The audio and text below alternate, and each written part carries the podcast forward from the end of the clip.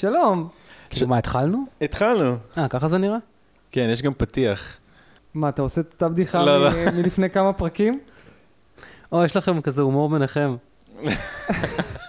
גם לכם יש הומור ביניכם, אני נכון? בטוח. לא, אני לא מקנא. הומור של אה, כמה שנים, זה נכון. כן, אני רק אומר זה כזה, יש לכם הומור ביניכם.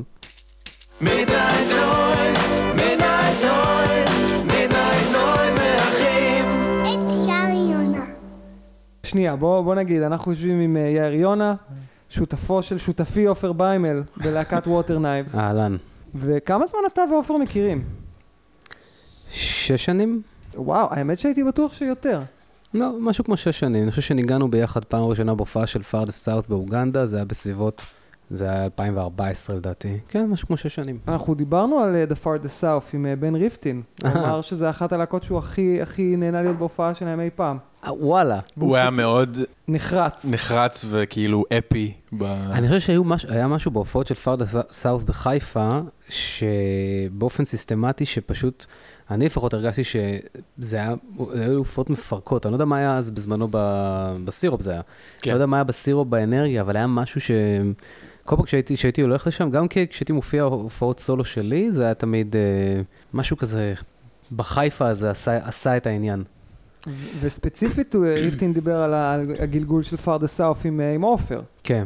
כן, אני זוכר בחזרה הראשונה שהייתה לנו, בסיום איזה, איזה סשן נגינה ארוך, אתה יודע, הכל מאולתר, זה כזה, לא יודע, ניגנו איזה חצי שעה ברצף, אז בס- בסוף כזה הבנתי שהחיבור בינינו הוא כזה קוסמי, טירוף. הוא הצביע ו- על יאיר יונה כשהוא כן. אמר בינינו. החיבור הוא קוסמי וכאילו אין, אין עוררין, כן, לגמרי. זה כזה ברור שאנחנו נמשיך לנגן, לגמרי, כזה- ועוד לא היה ברור בכלל שתצא מזה להקה חדשה אחר כך, זה כן. כאילו, אבל זה, זה היה כאילו, אוקיי, כאילו, כל אחד מאיתנו ניגן מן הסתם עם המון להקות בעבר, וזה היה כאילו, אוקיי, יש פה איזה משהו שהוא unique, זה לא שהוא טוב מהאחרים, כן? כולה, היה לנו partnerships מוזיקליים, כל אחד מאיתנו טובים מאוד, אני בטוח, אבל יש איזה משהו בחיבור של בסיסט ומתופף.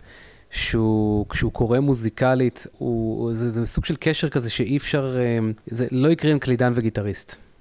לא? לגמרי, זה או כמו... כנר וצ'לן, או צ'לן ונגן טובה, או נגן אבוב וטימפני. לא, נגן אבו וטימפני זה לגמרי יכול לקרות איתם. אני מכיר שניים כאלה. I bet you do. סתם, אני לא. ומה מה היה, אני לא בקיא בהיסטוריה הזאת, מה היה ההליך של The Far the South להפוך להיות להקת ווטר קניבס, כמו שאני אוהב להגיד?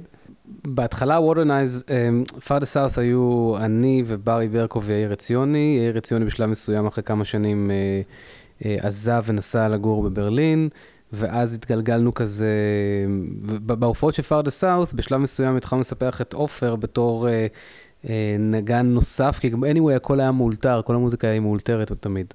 אז... אה, לא, אבל אני הצטרפתי לפני שהוא עבר לברלין. לא, כן, הצט... בהתחלה עופר הצטרף כזה מדי פעם כשהיה לו זמן כזה, או מדי פעם כשזה הסתדר, ואז בשלב מסוים הוא נהיה כאילו, כאילו ממש בנד ממבר. בנד ממבר לכל דבר, ואז עציוני עזב, ואז נשארנו אני, אה, עופר וברי, והיינו, קראנו לעצמנו אה, אה, far south, כי היינו farthest south, עכשיו אנחנו היינו פשוט far south. פחות דרומה, יותר צפונה. יותר כן. צפונה. וזה היה כאילו להקה שחי, שהייתה קיימת אה, בגיגול הזה כעשר דקות, משהו כזה. ו... מספיק לשתי הופעות בסירו. לגמרי. בשלב מסוים ברי, ברי גם כן עזב, ונשארנו כזה, אני ועופר, ואז אמרנו כזה, אוקיי, מה, what, what's now?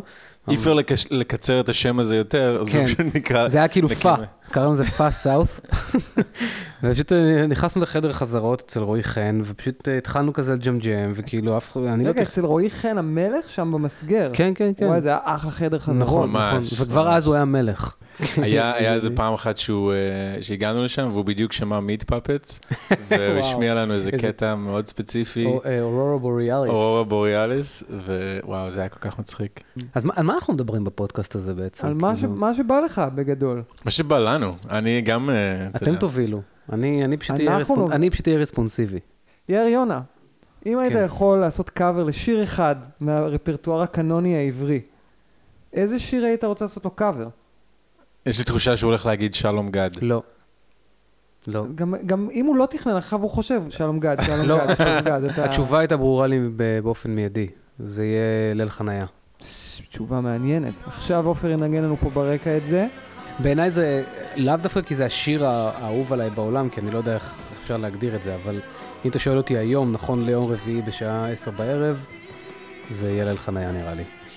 זו תשובה מאוד יפה, אתה גם לא צריך, אתה יודע, אתה יכול לעשות את זה בדרכך, זה לא חייב... אה, לא, כן, אבל כאילו זה, יש משהו ב, בשיר הזה שכאילו, לך תנגן אותו עכשיו על גיטרה אקוסטית. זה כאילו, צריך, צריך, צריך מאוד מאוד להשקיע בעיבוד של שיר כזה כדי שזה... איך, איך קראו ליוטיובר הזה שהיה בתחילת ימי יוטיוב, שהיה מעלה קאברים אקוסטיים לכל מיני שירים כזה, שהוא כזה מנגן percussion על הגיט... אנדי מקי, אני חושב. כן, כן, נכון, כן, אוסטרלי. כן, זה, זה, זה מצחיק שאתה קורא לו יוטיובר, כי הוא כאילו מוזיקאי שעשה כאילו killing אחר כך, טירוף. אין לי ספק, אבל אבל אני ידוע- זוכר אותו מה... הוא היה ידוע ה- בזכות הנגינה האקוסטית שלו עם הדפיקות על הגיטרה ומלא reverb. מלא מלא reverb, כמויות reverb, אתה יכול כאילו- לגור בהם. היה רגע, אני חושב, ב-2012, שהוא הקליט איזה קטע, וה reverb דעך לפני חצי שעה. אה, אז יאיר, מה, אני אני כאילו לא רגיל להוביל, אנחנו רגילים דווקא לתת לאורחים... אה, על מה אתה רוצה שאני אדבר איתכם? אני כאילו, אה, אני לא, אני לא יכול להוביל, אני כזה אחרי יום, אז... מה עשית היום, מה שאני עושה כל יום, פינקי. פינקי? מנסה לשפר את העולם. מנסה לשפר את העולם. בעבודה שלי, ה- בעבודה שלי, כשאני לא מוזיקאי, יש לי חברה שקוראים לה לנטילס, שעושה שיווק של קמפיינים למימון המונים למטרות חברתיות וסטארט-אפים. אז המטרה שלנו בעצם בלנטילס זה לקחת, אה, להפוך ציבור להיות אה, אה, משתתף אקטיבי בעיצוב העולם שהם רוצים לחיות בו.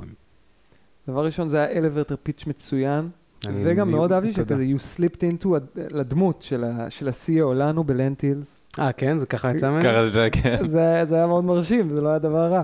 כן. הוא עשה את הפיץ' הזה המון פעמים. אתה לא מבין- אתה לא מבין כמה, אתה לא מבין כמה. כי זה גם, זה גם, זה זה א', זה באמת האמת, וב', אה, הפיץ' הזה was well crafted במהלך שנה וחצי כדי שאני אוכל כאילו, זה, זה, אבל זה באמת, it is what it is, זה כאילו באמת, ל, אני לא רואה את זה בקטע של אה, לעשות קמפיין אימון המונים, שזה בעיניי לא מעניין. זה המטרה שלי באמת, היא לעזור לעמותות מצד אחד, ומצד שני, לא פחות חשוב, לגרום לאנשים להיות, אה, להרגיש את התחושה שהם נותנים מעצמם משהו, מבלי שהם ירגישו שיש לדבר הזה מחיר אמיתי. כאילו, שאתה חושב נגיד על, על מעורבות חברתית, כן, אז היום אנחנו בעידן בלפור כזה, אז כאילו, אז אה, כל המדינה נמצאת באיזושהי מעורבות חברתית, אבל מתישהו ההפגנות האלה ייפסקו, ואז כל אחד יחזור לספה.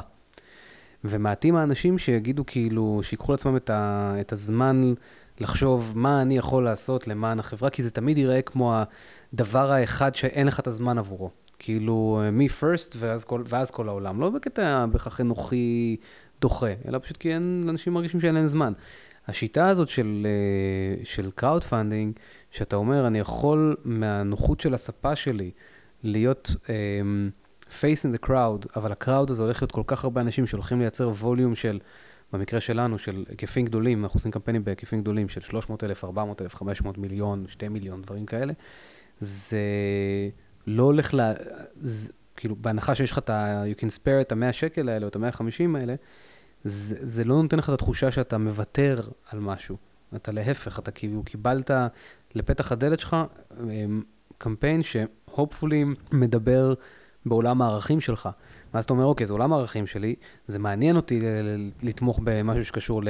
לא יודע מה, לכלבים נטושים, וזה הולך לעלות לי רק 100 או 150 או 200 שקל, אז אני גם בעצם נותן את ההזדמנות לאנשים, כאילו ש-otherwise לא היו אולי חושבים על לעשות את המעשה הזה מצידם. אבל זה לא כל פעם, כל אה, Head Start עובד ככה.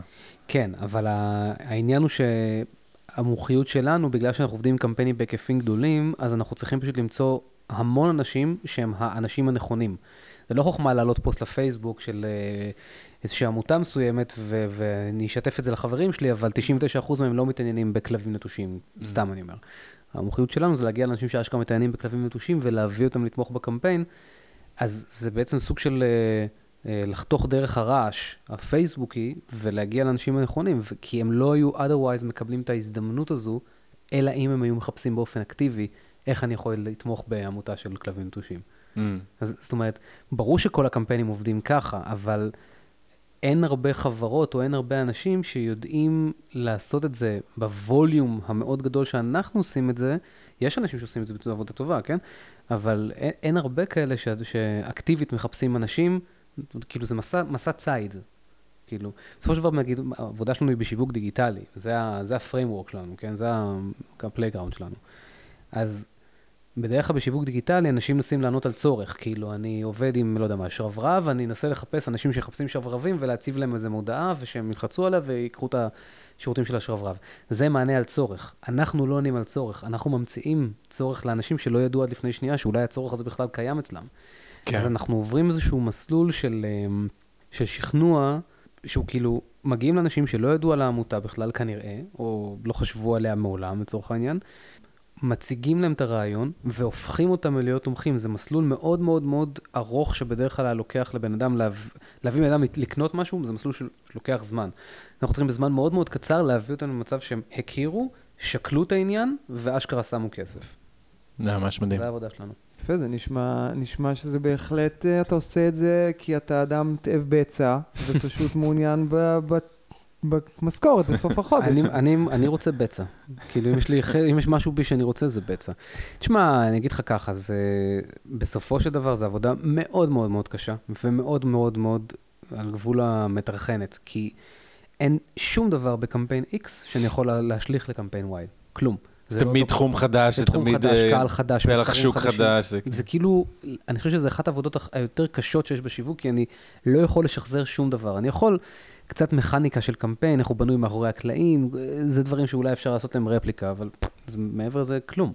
ו- ואני אגיד גם עוד משהו, זה לא, שאני, זה לא שאני קם כל בוקר ואני אומר, וואו, אני כאילו עושה דברים נורא מדהימים. לא, היום-יום שלי בנוי מטריליארדי משימות, כאילו, לפעמים משעממות נורא של לחתוך אקסל של מספרי טלפון בצורה כזאת, כדי שאפשר יהיה לעשות כל מיני דברים.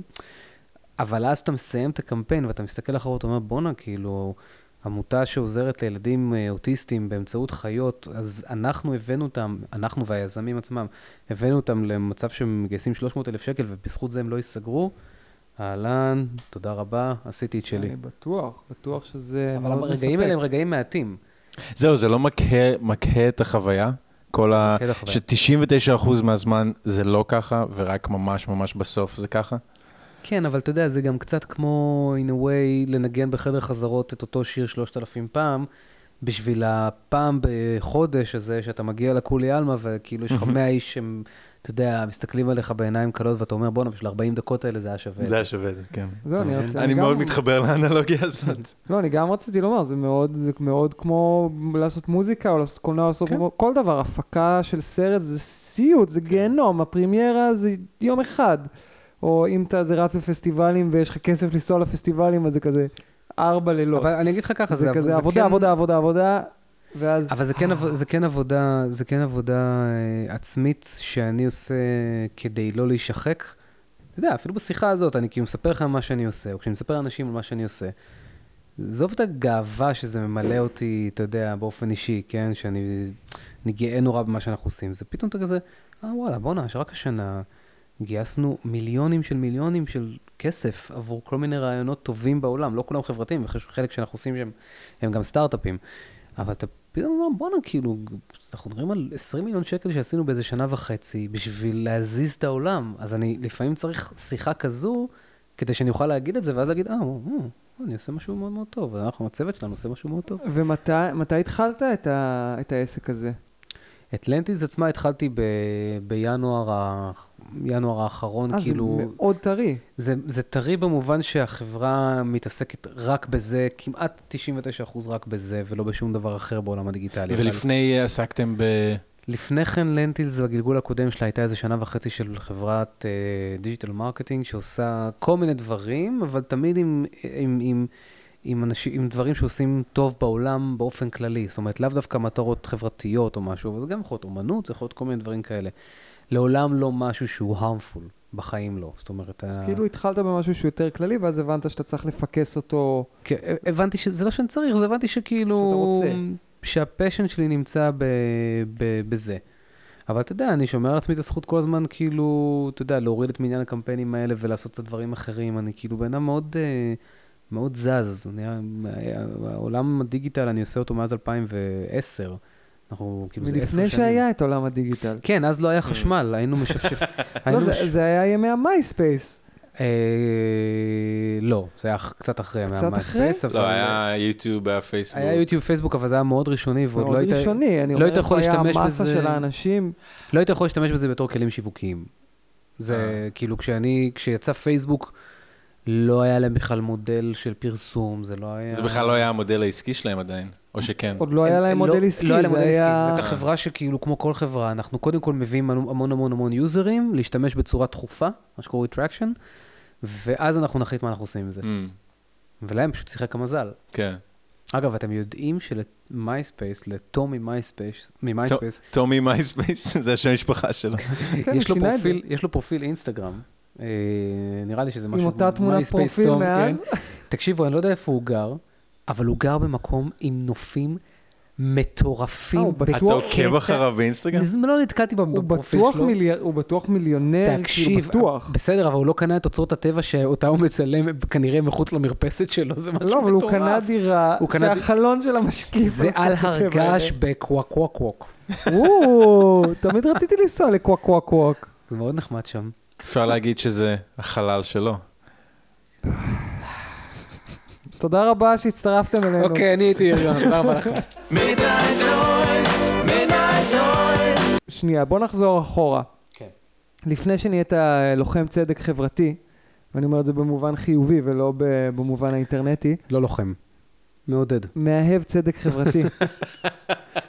אמ, מתי התחלת לבסס? האם התחלת וואו. עם הבאס? נראה לך, התחלתי כמו כל גיטריסט כושל. מגיטרה. כמו כל בסיסט, כגיטריסט כושל. אהבתי אבל את אה, slip of the tongue. היה איזה רגע בכיתה ט' שנעמי ספיבק מהכיתה שלי, אה, לא זוכר באיזה הקשר, היה לה על השולחן ספר שירים וגיטרה, ואמרתי לה, מה זה? ואז היא אמרה, אני לומדת גיטרה עם הספר, ואז אמרתי לה, מה, אפשר ללמוד גיטרה עם ספר? היא אומרת לי, כן, אתה רואה, יש פה אקורדים, אמרתי לה, מה זה אקורדים? ואז היא- כזה מראה לי את השירים וזה, ואז אמרתי, אה, זה נחמד, אז בדרך הביתה, באותו יום, עברתי אצל אלון פריד בבניין ליד, כי הייתה לו גיטרה. קיצור, בסדר, ואני אמרתי לו, תקשיב, אה, אני יכול לעלות רגע? אמר לי, כן. הייתי, אמרתי, יש לך גיטרה, הייתה לו גיטרה חשמלית, הייתה לו גיטרה קלאסית. אמרתי, אני יכול להשאיר גיטרה קלאסית? הוא אומר לי, אתה יודע לנגן? אמרתי לו, לא, אבל בא לי כזה לנסות. ואז באותו לילה לקחתי, לו, לקחתי את הגיטרה, ובאותו לילה, ומ- ומנעמי את הספר הזה, ובאותו לילה אני כבר ניגנתי את אה, שושנה, שושנה, שושנה, ויש אנשים שמטפסים על הרים. כאילו, הצלחתי ללמוד Em ו-A. כאבו לי זה- האצבעות זה טירוף. אקורדים מאוד חשובים. ואז כאילו התחלתי לנגן כזה עם הספר, וכאילו זה בא לי מאוד מאוד בקלות ובצורה מאוד בכ- אינטואיטיבית. בכיתה ט'. כאילו, כן, זה היה לי מאוד מאוד קל. אה, שוב, זה היה basic של ה basic, אבל זה לא היה מפחיד, זה לא היה כאילו, אני הולך ללמוד כלי, כאילו, לקחתי גיטרה, לקחתי ספר, וככה אני עושה את רוב הדברים בחיי, כאילו, אה. זה נראה לי קל, בוא נעשה את זה. ואז מישהו הביא לי גיטרה חשמלית, איזה... בקיצור, אז קיצור, התחלתי לנגן על הגיטרה הזאת, ואז הייתי נורא בקטע של בנזין, הלהקה, לא החומר... לא- לא חומר. לא חומר לשתייה. אה, כי מגיל שמונה, כאילו, האלבום שלהם 24 שעות התנגן אצלנו בבית, ככה זה כשיש לך אחים גדולים ב eighties וזה. ואז בכלל רציתי להיות מתופף, mind you. סיפרתי לך את זה פעם, אני חושב. כאילו, היה לי, רציתי להיות מתופף, אבל ההורים שלי כאילו אמרו לי, כאילו, אין שום מצב, אין סיכוי. גבר, שכח מזה. אבל הייתי מתופף עם מקלות סינים כאלה על סירים. כאילו, את התפקידים... צ'ופסטיקס. כן, צ'ופסטיקס כזה. בקיצור, אז, אה, אז אה, היה את התקליט של בנזין, ויש שם את השיר גשם. כאילו, ויש שם סולו של פוליקר, כזה. וואי, זה שיר אפי בטירוף. שיר אפי בטירוף, אגב, בקריוקי הוא פסיכי. כן? כאילו, כולם שיכורים, והשיר הזה פשוט... האוטרו שלו לא נגמר. נכון. טה-נה-נה-נה-נה, פשוט אין סוף מה פעמים. שאמרת עכשיו, זה מה שאימא שלי זוכרת עד היום, כי אני ניסרתי לה את החיים עם הסולו המחורבן הזה, עם ה... עכשיו תחשוב, כל פעם כשניגנתי את השיר הזה, זה 400 תיבות של הסולו, ואני ניגנתי אותו כל פעם, הרבה פעמים ברצף. וואו, זה שיר טוב, אבל זה אני שיר, אוהב את זה השיר שיר הזה. מדהים, ופוליקר הוא גיטריסט שלא ייאמן בכלל, הוא יש לו תפקידים, הוא פשוט מושלם. זהו, ואז כאילו, מה שקרה קרה כמו שתמיד, נהיית להקת בית ספר כזאת, וזה היה כמה חבר'ה שהתחילו לנגן, ו...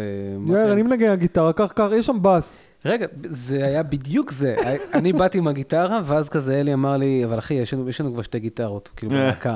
ואז אמרתי לו, אז מה אני אעשה? אז הוא אומר לי, אתה יכול לנגן בס. ואמרתי לו, מה זה אומר? כי הייתי ממש כאילו חדש נורא, לא ידעתי כלום.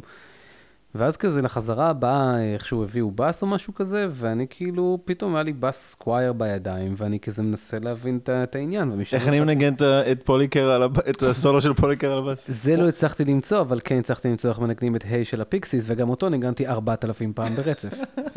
זה שיר- זה שיר מצוין לנגן 4,000 פעם ברצף. כן. אז ככה התחלתי לנגן, אה, ככה התחלתי לנגן בס, ואז משם אז, אה, מכיוון שבשלב מסוים אה, היה לי גם קראש אדיר על הביטלס שלא עזב אותי עד היום, אז היו לי גם, ומשם זה התפתח להרבה מאוד להקות אחרות, אז היה לי מורים, מורים לבס מאוד מאוד טובים. כאילו המון בסיסטים מלודיים כאלה. Mm. קריס, קריס קווייר מייז, ופול מקארטני, ומרק מרוקפור, ומאוד, כן, זה מסביר את הנגינה שלך בווטרנאט, אני שהיא כאילו- מאוד כזה הולכת דווקא ל- כן. לגבוהים ומלודי, כן. וכל התפקידים כן. כזה, הם לא אה, קונבנציונלית במרכאות אה, נכון. בס. כן, כאילו. אותי זה מעניין, כי כאילו, אני, כשאני רואה Water Knives, אני מרגיש שאתה מנגן על בס כאילו היא גיטרה, ואני מרגיש שאני בלפט, הר- הרבה פעמים מנגן על גיטרה כאילו היא בס. כן. נכון. זה כזה כל אחד צועק את מה שחסר לו. בדיוק. כאילו, אני לא, לא עזבתי אף פעם את הרצון להיות גיטריסט, כי אחרי זה גם עשיתי תקליטי גיטרה, אז כאילו גם, היה- גם את זה היה לי, אבל איפשהו חוסר ההשכלה המוזיקלית שלי תמיד אה, גרם לי לחוסר ביטחון לקחת את הדברים all the way, ובאס כבר הייתי מאוד מיומן בזה, כי זה מה שניגנתי כל התיכון, אז פשוט זה נהיה הכלי שלי. ובגלל זה אני לא תופס מעצמי גם איזה בסיסט גדול או whatever, אני כאילו בעיניי נגן מאוד מאוד מאוד בינוני. אבל uh, אני יודע שאני טוב מאוד בשביל ה- מה שאני רוצה להיות, and that's good enough for me. זאת אומרת, אף פעם לא היה לי עניין של לרצות להיות uh, נגן יותר טוב, אף פעם לא הייתה לי את הסבלנות לשבת נגן. הראש שלי תמיד היה עסוק בלהמציא דברים, או, או, או היצירה הייתה יותר חשובה לי מאשר uh, uh, להיות נגן.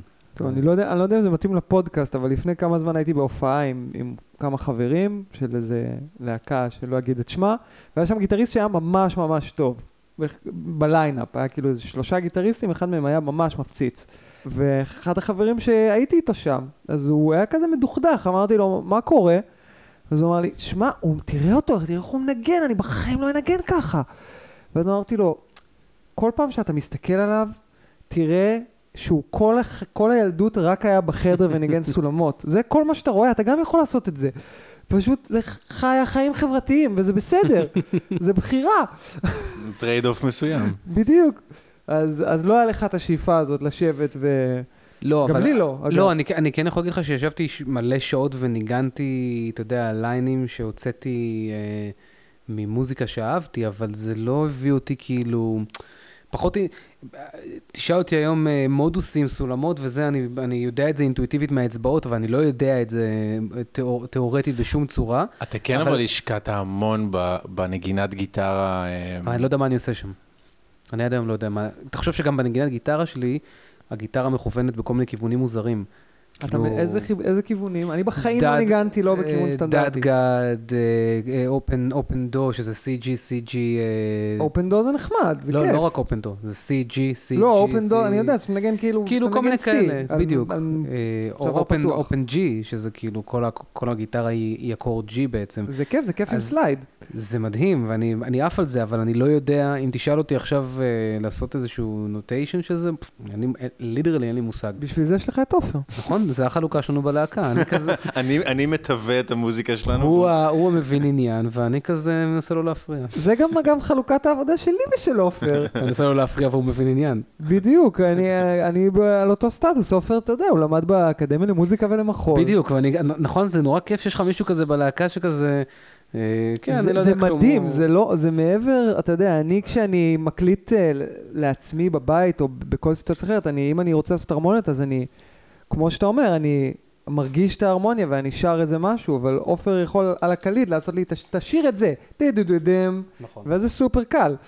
אבל אני חייב להגיד שככל שהשנים עוברות, אני מאוד מאוד מעריך את השנים שלמדתי ואת ההשכלה שקיבלתי, אבל כאילו אני מבין שזה לא הדבר החשוב בכלל. נכון, זה רק, אפילו רחוק מזה. אבל אנחנו מסתכלים על זה בתור שני אנשים שאין להם את זה, ורואים את ה-value המטורף שיש בידע הזה, ומצד שני, לא הייתי עושה את זה אחרת. כאילו, כן. לא הייתי רוצה ללכת ללמוד, היום, כן, כן, כן, היום לא הייתי לגמרי. בחיים רוצה ללכת ללמוד, כי אני מבין שהבורות הזאת, שחר... אה, לא שחררה אותי מכבלים, כי לא היו לי כבלים, בגלל, ש... בגלל שזה מגיע מבורות. זה, זה מדהים בעיניי, אני, אני לא אוהב לקרוא לזה בורות. אני מבין למה בורות- אתה בורות אומר זה את לא זה. טיפשות, בורות זה לא טיפשות, בורות זה אי ידיעה. כי כן, מדבר על אי, אני, במובן של אי. אני מעדיף לקרוא לזה אי ידיעה מאשר בורות, בגלל פשוט הקונטקסט השלילי, כי אני רואה את זה כדבר סופר משחרר ויפהפה, כי כשאני עובד איתך, אסף, ואני עובד איתך, אבל אני לפעמים לא מספר לכם את זה, אבל אני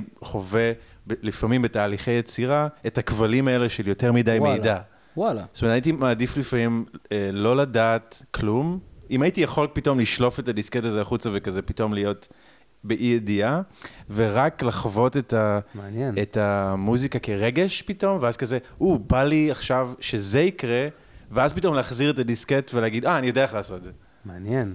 אה, הייתי מאוד שמח אם הייתה לי את היכולת לעשות את זה. היה, תמיד. תמיד היו מדברים על זה שב White Stripes, אז, אז ג'ק ווייט היה מתחנן ממג לא להתאמן. הוא, הוא היה אומר, לה, כי, כי, כי הסאונד של הלהקה בא מזה שהיא תופפה בצורה מאוד פרימיטיבית, ואני אומר את זה בשיא החיוביות. לגמרי, לגמרי. ואני הרבה פעמים מרגיש את זה שככל שאתה עושה משהו, אפילו שבאנו, אני ואתה, אני כבר מרגיש בנוח לומר את זה ממקום של חוסר ידיעה, זה שאתה מתעסק בזה כבר עשור פלוס לי ולך, זה כבר, אתה לומד דברים על הדרך, ואני מוצא את עצמי, אני שונא את התחושה הזאת שאני יושב בבית ואני מנגן לעצמי ומנגן איזה ליין שמוצא חן ואומר, אה, אבל המהלך אקורדים הזה חרוש. ואני כזה, לפני חמש שנים לא הייתי חושב את המחשבה הזאת. ואני שומע את שירים שאני מאוד אוהב, ויש שם מהלכי אקורדים חושלו כחרושים. ו- וזה, כן, צריך להוציא את הדיסקט הזה לפעמים ולהגיד, אני יכול להגיד לך שכשהתחלתי לכתוב שירים בלונדון, כשעברתי ללונדון ב-2003, אז אפילו לפני כן בעצם, כשאני חושב על זה עוד בצבא, אז אתה יודע, כל פעם כשהייתי לוקח גיטרה ומתחיל איזשהו שיר, הייתי... הי- בוא נגיד ככה, כבר כילד הייתה לי השכלה מוזיקלית של, כאילו, במובן של להכיר מוזיקה מאוד מאוד רחבה, כאילו, בקטע קצת לא פרופורציונלי לגיל וזה. ופשוט כל שיר שהתחלתי לכתוב הזכיר לי אלף שירים שאני כבר מכיר. וזה... זה סירס אותי והסריט אותי. בקטע. בקטע נוראי, וזה פשוט גרם לי פשוט לא לכתוב שירים. כאילו, לכתוב מעט מאוד שירים, ו... איזה באסה. וזה הסיבה, דרך אגב, שעברתי ב-2000 ו... לא יודע מה, שבע, גיליתי את העולם הזה של לכתוב, או שמונה, גיליתי את העולם של לכתוב מוזיקה אינסטרומנטלית עם גיטרה, כי כן, אז עופר, פתאום... זה לא באסה, כי אם זה לא היה קורה, אז לא היה Water Knives. נכון, נכון, זה סתם כזה, הוא, מעין איזה שירים הוא היה כותב. כאילו סתם זה כזה מתוך סקרנות כן, כזה. אה, אני. זה כאילו כמו לדבר על בן אדם אחר, אני לא יודע, אבל... אבל... זה בעצם לא רלוונטי. לכתוב- דלתות מסתובבות. ממש. אבל אני חושב שלכתוב מוזיקה אינסטרומנטלית על גיטרה, כשאני גיליתי את הסביבה הזו, זה מאוד שחרר אותי, כי אז אמרתי, אוקיי, אני לא חייב להתחשב במבנה של שיר. כאילו, אני יכול לכתוב פשוט יצירות אינסטרומנטליות לגיטרה, שזה מה שעשיתי בשני האלבומים הראשונים שלי, ואני לגמרי הלכתי לכיוון פסקולי בתפיסה שלי. כאילו לייצר, לייצר מוד. אני לא בן אדם של מלודיה ואני לא בן אדם של קצב, אני בן אדם של, מבחינתי בן אדם של מוד במוזיקה. זאת אומרת, אה, לא אכפת לי עם אקורד- עם אקורדים האלה חרושים, ולא אכפת לי עם ההרמוניה הזאת, תשתמשו בה אלפי פעמים, אבל, אם, אבל ה-production side of things, כאילו הטקסטורות מסביב, ה-attitude לתוך הקטע, הוא מבחינתי הדבר הכי חשוב. זאת אומרת, לייצר את המרחב עצמו, ולא להתעסק איפה הספה והשולחן מור- ממוקמים בתוכו. אתה מבין מה אני מתכוון? כאילו, לי. לי אין בעיה, לי- אין לי בעיה שמלודיה תהיה כאילו מטופשת. I don't care.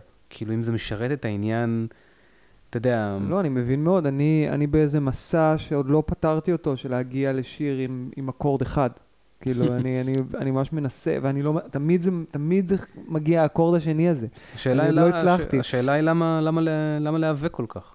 לא, אני, אני שומע את זה כמעין אתגר. שאתה... כן, זה אתגר, זה אתגר של לנתק את עצמי מ... הבנתי. מ...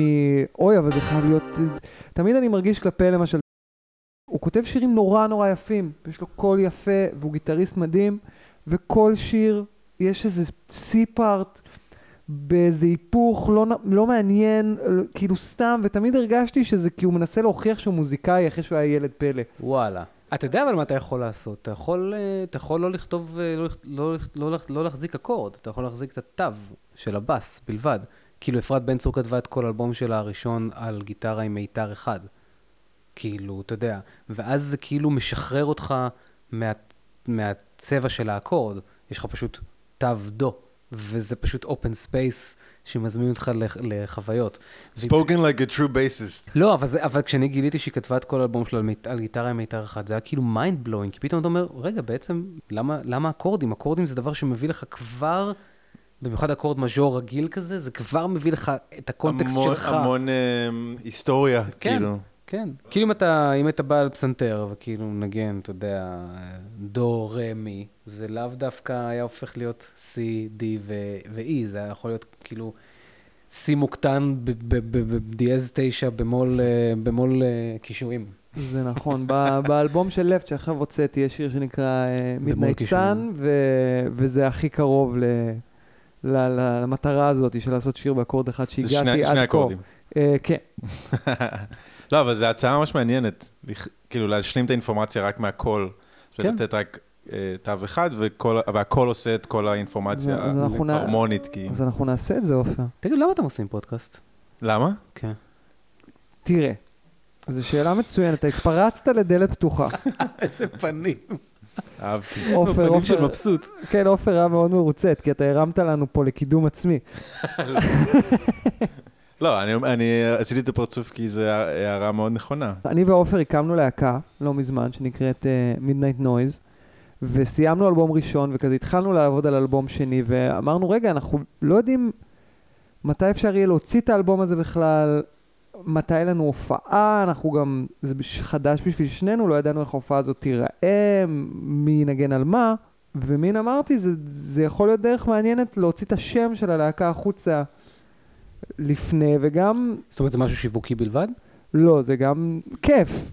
אני, אני מאוד נהנה מזה. ידענו שזה יהיה כיף, אמרנו נביא חברים, וזה יהיה צחוקים, וזה יהיה מעניין לא, נורא. זה גם, אנחנו מביאים חברים ואנחנו מגלים עליהם דברים חדשים שלא ידענו, ו, ו, ואני מאוד נהנה גם מהתהליך הזה של ההקלטה, ואני רואה גם, אני גם במקור עורך וידאו, ואני מאוד נהנה מלערוך את הפודקאסט, ואני רואה שגם עופר, שהוא זה שעושה את זה בפועל, הוא גם לאט לאט אה, מתאהב בעולם הזה של, של עריכה. אז כן. בוא תערוך את הפודקאסט, את הפודקאסט שלי גם. ברור. אוקיי, אוקיי, אה, את סבבה. הפודקאסט שלך את- עם... את, אה, אה, זה- The אה, כן, כן. Changemakers. מה האורך של פרק של אה, The Changemakers? אז אני אגיד רק ש-Changemakers זה פודקאסט שהתחלתי בקורונה, אה, והקטע שלו זה לראיין אנשים שעסוקים ועובדים בפעילות חברתית. אה, והרעיון הוא בעצם להציג איך נראים אנשים רגילים, כמוני, כמוכם, שבסך הכל אין להם day job רגיל, יש להם, day job שהם מתנדבים במעון לנשים מוכות כזה, או whatever. אז האורך של הפרק יכול להיות אה, חצי שעה, הוא גם יכול להיות שעה ורבע. אני לא... יכול לערוך לו את זה. אני לא עורך את זה, אבל תכלס, אני לא באמת עורך את זה. כי אני, לא יודע, אני אוהב שיש זה- זה איזשהו... יוצא עם וידאו? זה עכשיו נמצא עם וידאו, אני חושב שאני אוריד את החלק של הוידאו, כי זה קצת, אה, קצת מטרחן... אה, עם וידאו מאוד קשה, כי אפשר לערוך, יש כאלה לא, לא, אני שעושים לא את רוצה, זה. אני בכלל לא רוצה. זה כאילו, אני לא, אני לא רואה סיבה, כאילו, בן אדם, אם יש פתאום איזה רגע קצת פחות מעניין, אז אנשים, אם, אם היה מעניין עד אז, אנשים כאילו ייסחפו בסיפור, זה בסדר, יש לך, בספר יש לך את השני עמודים שהם אולי לא מעניינים, ואתה ממשיך נכון. הלאה. כן. הגישה שלנו לזה היא יותר שכשאנחנו מדברים עכשיו, אז אנחנו בני אדם, ויש, ויש פאוזות ויש כן, עניינים, לגמרי. אבל כש, כשאנחנו מהדקים את הפודקאסט, אנחנו לא, אנחנו רק, רק הופכים את זה ליותר שיחה חדה כזאת, וזה זה הרבה יותר כיף לשמוע, נראה לי, אני- אולי אני אנחנו- לא- אני אני טועה. אני לא בגישה הזאת. כאילו, זה סבבה, זה זה שלכם, אני כאילו, אבל אני... עופר לא עורכים את הפרק. אני. מרגיש, אני מרגיש ש, ש, שיש משהו בחוויית סלון שיש פה, שרוצים ליצור בפודקאסט באופן כללי, שברגע שאתה מהדק אותו, אתה הופך אותו לפונקציונלי. ואני לא רוצה שהפודקאסט יהיה פונקציונלי, אני רוצה שהוא יהיה, כאילו נקלעתי במקרה לשיחה של שני אנשים, כולל אה, שיש למישהו בתשובה, וכולל הרגע הזה שהוא קצת משתנק בקול כי נגעת לו באיזה נרב, כאילו אני... אז זה- זה לא מורידים. לא, אני, אני, אני אומר, כאילו באופן כללי, כאילו אם עכשיו אנחנו ניכנס ונדבר עכשיו על רכיבי המאדרבורד, של האפל שלך, אז יכול להיות שזה יהיה שווה להוריד את זה, אבל אני כבר נרדמתי. כן, בדיוק. כן, אה, אז, אז לי ולעופר יש פודקאסט. אה, ו- שאנחנו מקשיב, מקשיבים, לו, מקשיבים לו עכשיו. בזה הרגע, כן, ו- וזו התעסקות מאוד מאוד נחמדה, זה גם, אתה יודע, יש לנו הרבה זמן פנוי עכשיו, מהמם. בקורונוס, אמ, וזה פשוט דרך, אתה יודע, לעשות, לגעת ביצירה בלי כל הזמן להיות בעומק של היצירה. כן, כן, לא, אני לגמרי מבין סתם, זה גם, ברגע שאתה שם שלושה מיקרופונים, אז אז סוג השיחה משתנה, זה מתועד. פתאום אפילו סיפרת כמה סיפורים היום שאני לא הכרתי, אז כאילו זה היה ברור שיצא מזה משהו מעניין ו... פודקאסטים זה וטוב, החיים. כאילו. אני מקשיב לפודקאסט, אני מקשיב לפודקאסטים נראה לי מאז 2011, לדעתי, 12, כאילו, כשזה היה רק עוד באפל, ואני פשוט קרוע על זה. אתה יודע שפודקאסט, תכלס, אה, לי פודקאסט אחד שינה את החיים. באמת? איזה פודקאסט כן. שינה לך את החיים, יאיר יונה? הוא נקרא אה, איך גברים צריכים להתנהג, סתם. לא, אה, זה, אה, יש... אה, פספסתי משהו. יש פסיכולוגית אה, בודהיסטית שקוראים לה טרה, טרה ברק, שכשאני נכנסתי לעולם הבודהיזם ב-2013, משהו כזה, אה, מצאתי את הפודקאסט שלה, והיא כזאת לא... היא, היא פסיכולוגית מערבית ומורה לבודהיזם, אז כאילו שני הדברים האלה זה טוב, כי היא לא לחששנית כזאת שאתה רואה את הלוויתנים קופצים לה מאחורי הגב, כזה, זה לא ב vibe כזה. היא מאוד כזה straight to the point כזה, אבל עדיין מלאה בערכים הבודהיסטיים וזה. ופשוט התחלתי, הייתי, הייתי במקום מאוד אבוד בחיים שלי אז, ב, ב, ב, בשלב שנפלתי על זה. זה היה לפני שהכרת את עופר. כן. ושהיה לי מורה דרך לחיי. ופשוט הייתי, הייתי יוצא עם הכלבה לטיול, והייתי מקשיב כל טיול כזה לשעה של שיחה שלה. אתה יודע, זה היה על how to reduce pain, אמ, איך להתמודד עם הסבל, איך... אמ, כל מיני, כל, כל מיני, כל תכונות ה... איך להתמודד עם כל מיני תכונות לא מועילות, במרכאות, כן? אה, שמובילות לדוקה, לסבל. ופשוט הייתי מקשיב לזה בסיסטמטיות כל יום, ובשלב מסוים זה, זה כל כך הגניב אותי הקונספט של העולם הבודהיסטי, שפשוט זה רק העמיק לי את, ה, את, ה, את הידע והסקרנות, עזבו את הידע, את הסקרנות, סקרנות פשוט, ב, זה פשוט נהיה ההוויה שלי, אז גיליתי, התחלתי להקשיב משם לעוד פודקאסטים של כל מיני meditation centers בכל מיני רחבי העולם. ו... וכל הזמן הקשבתי לטרה וזה וזה, ו... ובשלב מסוים זה, זה עזר לי במדיטציה שלי, אז, אה, לי פשוט המון well-being לחיים. וכאילו, אני חייב לאישה הזאת פשוט הרים וגבעות, אתה כאילו. תומך בו בפטריון? אני משלם הרבה פעמים על אה, כל מיני קורסים שלה ועל, אה, ועל אה, ספרים. עכשיו אני קורא ספר מהמם שלה שנקרא Radical Compassion. איך? Radical Compassion. אבל לא היה פרק אחד ספציפי ששינה לך את החיים. אתה אומר, לא. זה הפודקאסט שלה. לא, אני פשוט, זה, זה, כמו, זה כמו, שאתה, כמו שגיליתי, לא יודע מה, איזה להקה. once גיליתי את השיר האחד שלה, אני אקנה את כל האלבומים שלה, הבוטלגים שלה, ונדע מה מידת הנעליים שלה בבסיס. אז כאילו, אז גם איתה זה היה כאילו, פשוט התחלתי לחפור אחורה ולראות ביוטיוב, וזה כאילו, זה דבר הוליד לדבר. היא פשוט הכניסה אותך- ל mindset מסוים וסחפה אותך. היא, וואו, זה היה כמו לגלות את הביטלס. מבחינתי, זה היה כאילו, הרגשתי שיש מישהו שמבין את העניין. למרות שהיא דיברה על דברים מאוד כאילו כלליים, שכל בן אדם היה אמור- אמור למצוא את עצמו בתוך זה, אני הרגשתי שהיא מדברת אליי. אפילו, יש לי על היד מקועקע לי פה, אה, היא הייתה אומרת כזה, כמה שיחות שלי, הייתה, הייתה אומרת, שיחות שלה הייתה אומרת כזה, and always, always remember love. כאילו, whatever happens, always remember love. זה כתוב לי פה תמיד כזה, always remember love. כאן זה בתוך הקעקוע. זה אכן כתוב שם. אני זה. קצת קטן, אז אני רוצה לעשות את זה בגדול ליד הסלב קרס. זה פה על ה... ליד הסווסטיקה. כן. יפה, זה נשמע... קיצור, תגידו, מה אתם חושבים על. דיוויד בואי? על דיוויד בוי, האמן? דיוויד בובי? כן, דיוויד בואי. הוא אמן דגול, מה זאת אומרת? לא. זה, יש לך שאלה ספציפית בתוך זה? יש לי חבר שהוא מעריץ מאוד מאוד גדול של דיוויד בוי. לא, אני שואל אותך, כאילו, לא על החבר. אתה חבר? לא, אז כאילו, אני, מאוד חווה את דיוויד בוי דרכו. דרך נקודת הראייה שלו. אני, אגיד לך, אני פשוט באיזה פאזה עכשיו של uh, בואי של סוף ה-70's, כאילו מה שמכונה תקופת ברלין שלו, ואני נדהם מה... כמה שהוא מסטול מטומטם ומדהים, ובפוקוס על היצירה, גם כשהיא נשמעת כמו לוס טוטאלית, וכאילו, יש זה, לו... זו התקופה שהוא הפיק את איגי פופ, לא? כן. מה מה ה vibe של האלבומים האלה? הרואין. כאילו... איזה הבית, לא. נדלקו לך עיניים. אהבתי.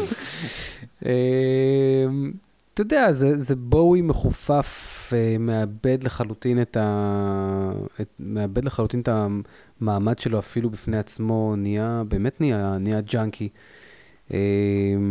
זה כאילו קורה step אחד לפני ש Nile Rodgers ממציא אותו מחדש עם Let's Dance ב-82, שזה אחד האלבומי הפופ. הכי טובים ביקום בערך, לדעתי. אה, אז יש לו אלבום אחד שנקרא Lodger, שתמיד נחשב כזה, זה אלבום כזה בצד כזה, לא כאילו מה top 3, אבל ב- יש, יש משהו ש... אתם יודעים מה, אני אעשה את זה הקבלה אפילו לפודקאסט הזה, למה שדיברנו על העניין של העריכות. יש משהו כל כך אה, אנושי, לא מתווך כזה, שאתה אומר כאילו, יש פה בן אדם עם, עם ביצים של שור טיבטי, שאומר, ככה אני נשמע היום, ואני אנציח את זה על תקליט, כי אני fucking דויד בואי, וככה אני נשמע היום, והעולם צריך לראות אותי גם עם, עם, ב, ב, ב, ב, שמכנסיים מופשלות למטה לעיני כל. ועזוב עכשיו את ההערכה שלי ל- לאומץ של הבן אדם וזה, אבל זה כאילו, יש משהו בחוסר מהונדסות של זה, שזה בדיוק מה שגם דיברנו על העניין של ללמוד מוזיקה, שאתה, כאילו אין לי, אין לי את הסבלנות לדברים שהם לא, שהם לא אותנטיים, אין לי סבלנות לדברים שהם... תראה לי את הדוגמנית הזאת שהיא יפהפייה ברמות על, אבל יש לה רק עין אחת. זה, ילהיב, זה ילהיב אותי. אתה מבין? לא בגלל כאילו מוזרות בזה, אלא כי זה נו- נותן לכל הרמוניה את השריטה ה- ש, שיש בה, שלפעמים לא רואים. אה, ואני נורא כן. מתעניין בזה. זה, זה ההקבלה הזאת קיימת גם בבחירת אה, בת זוג שלך לצורך העניין. בדרך כלל, כי אני זוכר שקראתי את המחקר הזה, או ראיתי את זה איפשהו, שההתאהבות קורית בפגמים ולא ב... זה ממש או ככה. לפחות ב, באיזון בין. לגמרי, זה ממש ככה. זה ממש ככה. כאילו, כשאני פגשתי... אתה מחפש את הדבר שמייחד את האלבום הזה, שאתה מתאהב בו ואתה לא לגמרי. מפסיק לשמוע אותו, או הבחורה הזאת שאתה מוכן להיות איתה כל החיים. לגמרי. אתה מייחד אותה על ידי ההתבוננות בפגמים, ביחד עם הדברים שאתה נמשך אליהם. זה כאילו. נכון, זה ממש נכון. כשאני פגשתי את מירב, אני נדהמתי והזדעזעתי עד אימה מזה שכשהיא אה, מסיימת, אה, נגיד, לאכול איזה משהו, אז היא שמה את הדבר הזה על השיש ליד הכיור ולא בתוך הכיור. עכשיו אני כזה, מה מונע ממך לשים את הקערה של המרק בתוך הכיור יש לי מה- ולשים יש לי מה מים לומר על זה, בפנים? יש לי מה לומר על זה. רגע, רגע, שנייה. וכל מיני, אתה יודע, מכינת תה, סוחט את הלימון, לא תשים אותו במקרר, שם את זה על השיש. כאילו יש איזה, שהגמדים צריכים לבוא בלילה ולסדר את העניינים. שזה לא מגיע מזריקת זין, זה פשוט מגיע באמת מזה שהיא באמת לא שמה לב. ובהתחלה, זה הטריף אותי בקטע של כאילו, "ת- תשימי את זה במקרר מה הקטע שלך וזה. ובשלב מסוים אני פתאום התחלתי לראות את חוסר ה... חוסר האנליות שבזה, כאילו את זה שכאילו הוא זה הוא רואה את לוס. הלימון על השיש והוא בוכה דמעה אחת של ממש, אושר. כאילו, ואני, ואני כאילו, ו, ו, ו, ו, וזה גרם לי ממש כאילו, זה פתח לי את הראש לג, ל- לאנרגיה של הלוס שהיא, Mm. לפני שיכולתי להטמיע את האנרגיה, לפני שהייתי יכולתי לה, לה, לה, לה, להכיל את האנרגיה הזאת בעצמי, כי הגעתי ממקום מאוד מאוד שונה וב-180 מעלות לזה.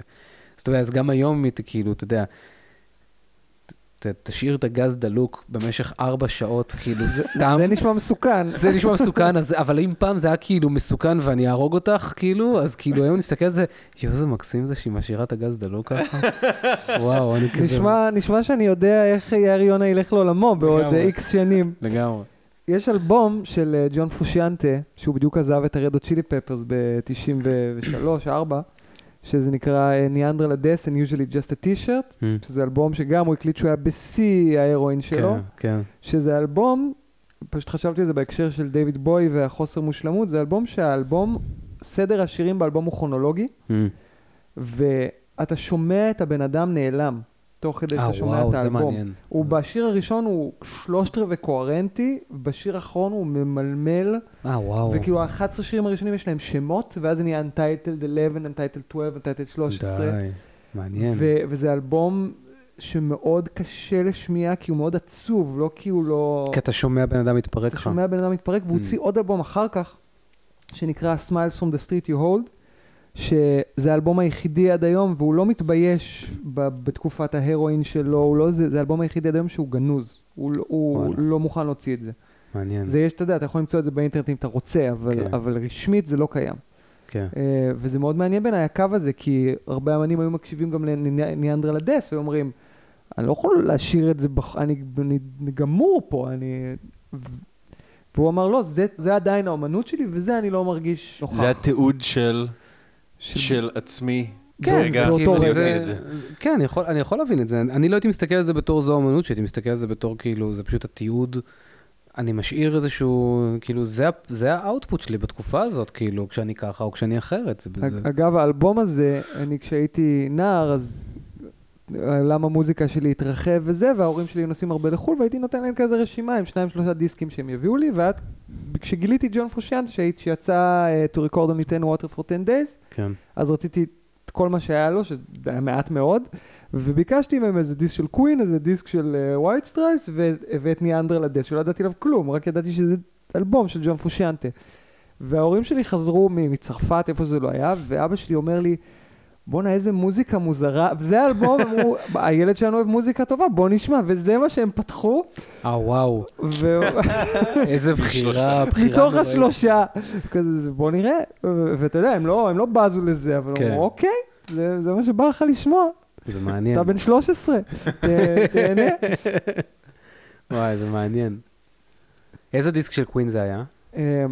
קווין זה הלהקה הראשונה שאהבתי בחיי, האלבום הר... הראשון שרכשתי, כאילו שלקחו אותי לחנות ואמרו לי, כיוונו אותי לשם, זה היה ה-Greatest של קווין, Hmm. הראשון, כשהייתי בן חמש. זה וואלה. הזיכרון המוזיקלי הראשון שלי, זה האלבום הזה של קווין. זה היה הלהקה מהכדורסל, כי אהבתי את אה, We Will Rock You. אה, אוקיי. ואז זה נהיה מסורת שכל פעם שההורים שלי נוסעים לחו"ל, מביאים לי אלבום אחד של קווין. כזה פעם אוקיי. את ג'אז, פעם את פלאש גורדון, פעם את הנייט אופרה. וואי, איזה אלבום זה ג'אז. ג'אז זה האלבום שלהם שאני הכי אוהב. יכול להבין את זה. זה אלבום מדהים. כן, זה אה, אלבום מדהים. אז אני לא זוכר ספציפית, זה היה כבר, כשהייתי כבר בן 13, זה היה בטח כזה The Game או משהו כזה שהוא לא מספיק כן. נחשב כדי שיביאו לי אותו לפני. כן. אה, אבל עדיין אני חושב שיש לי, אני מאמין שיש לי את כל האלבומים של קווין בדיסק, שזה מאוד יעיל בימינו. יש לך איך לנגן את זה בכלל? לא. אבל אני לא, אני לא זורק את זה משום מה, כאילו, הדיסקים שאני שומר זה דיסקים של מוזיקה ישראלית, של חברים שלי, וזה, כן. כי, כי מבחינתי זה, זה תיעוד של תקופה, ו, וקווין ונירוונה, ו- וכאילו, כזה הדברים שהם חשובים לי מהילדות, כן, אבל כן. אין לי דיסק שרכשתי אחרי גיל, נגיד, 16. Hmm. עופר הוא אגב, אה, למי שלא יודע, אין לו מדיה פיזית בבית.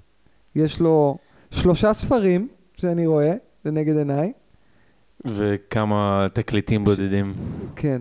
הדבר הכחול הזה שם זה הפטיפון שלי. כפי שאתה רואה. ומה שמעניין בעופר, ואני רוצה לשאול אותי את זה, או גם להפנות את זה אליך, זה שלעופר אין עותקים של המוזיקה שהוא יוצר. למה? יש לי- יש לי קצת. אני חושב שהוכחת את הטענה שלי. ואיך את- איך אתה מתייחס ל... כאילו, אני יודע שווטרנאבס לא הוצאתם תקליט או, דיסק, אין לכם מדיה פיזית בחוץ של לא. המוזיקה שלכם. זה היה בחירה מודעת, או שסתם הרגיש שזה לא מתאים? אה, אני חושב שדיסק היה ברור לגמרי שזה חסר משמעות, ותקליט, אה, אני הרגשתי ש... שאין לנו עדיין מספיק אה, תהודה של קהל שיהיה שווה להיכנס לכל האופרציה המפרכת הזאת של להדפיס עכשיו 300 תקליטים עם ההוצאה שכרוכה בזה. וזהו, פשוט אני כאילו, אתה יודע, למעלה בבוידם יש לי כל כך הרבה עותקים של דיסקים ותקליטים ששוכבים שם, שכאילו, פשוט לא, לי לא התחשק יותר אה, עוד אה, פלסטיקה. לי זה לא, מש, זה לא ממש חשוב. אני, לשמחתי, הוצאתי וייניל ראשון ב-2010, בלייבל אה, אמריקאי, שמאוד רציתי להיות בו. האלבום עם אלבום העטיפה. הלבנה. כן, גם את האלבום סולו הראשון, אה, העטיפה הלבנה, וגם את זה שאחריו. אה, וגם את האלבום השלישי שלי, חרב, הוצאתי על תקליט, וכאילו לא חסר לי, כאילו, אוקיי, הייתה לי את החוויה הזו של תקליט, נחמד מאוד, שלום ביי. אין לי, אתה יודע, עבדתי באוזן בתוך, אה, בתוך ההררים של תקליטים, יש לי כאילו אחלה record collection משל עצמי. להגיד לך כמה אני שומע אותם היום, ממש לא הרבה.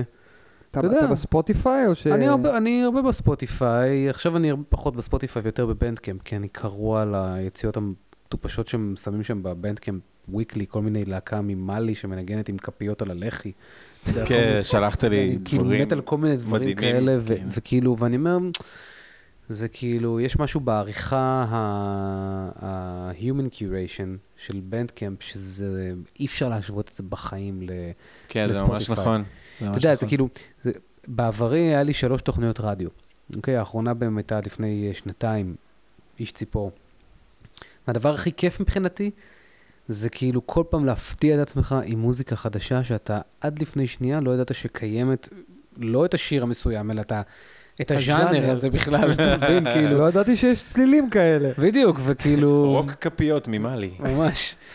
אה, וככה, ופיתחתי איזשהו, איזשהו הרגל כזה, איזשהו מנהג כזה של איך אני מחפש מוזיקה חדשה, מבלי שאני אצטרך, אה, מבלי שכאילו היא תזרום אליי, אלא אני אחפש אותה בצורה אקטיבית, אבל אני אתן, אבל אני אחפש אותה בצורה נורא נורא רנדומלית. אני הייתי נכנס לדיסקוג, זה מתחיל ללחוץ סתם על עטיפות שנראות לי מגניב, והייתי שומע ביוטיוב כאילו את, ה, את מה שיש, והייתי מגלה, אתה יודע, הייתי בונה תוכניות של שעתיים ברדיו, שיש בהם 80's מטומטם וקיצ'י להחריד, ועד כאילו מקהלה נוצרית מ-1947 שהקליטו על, אתה יודע, וואקס בכלל, כאילו, וזה מבחינתי, המדיום הפיזי היום בשבילי, אני אין לי עניין של, אני לא מתרפק על נוסטלגיה וזה, זה כבר אין לי, אין, אין לי את המקום הזה, הייתי שם, ואני כבר לא שם.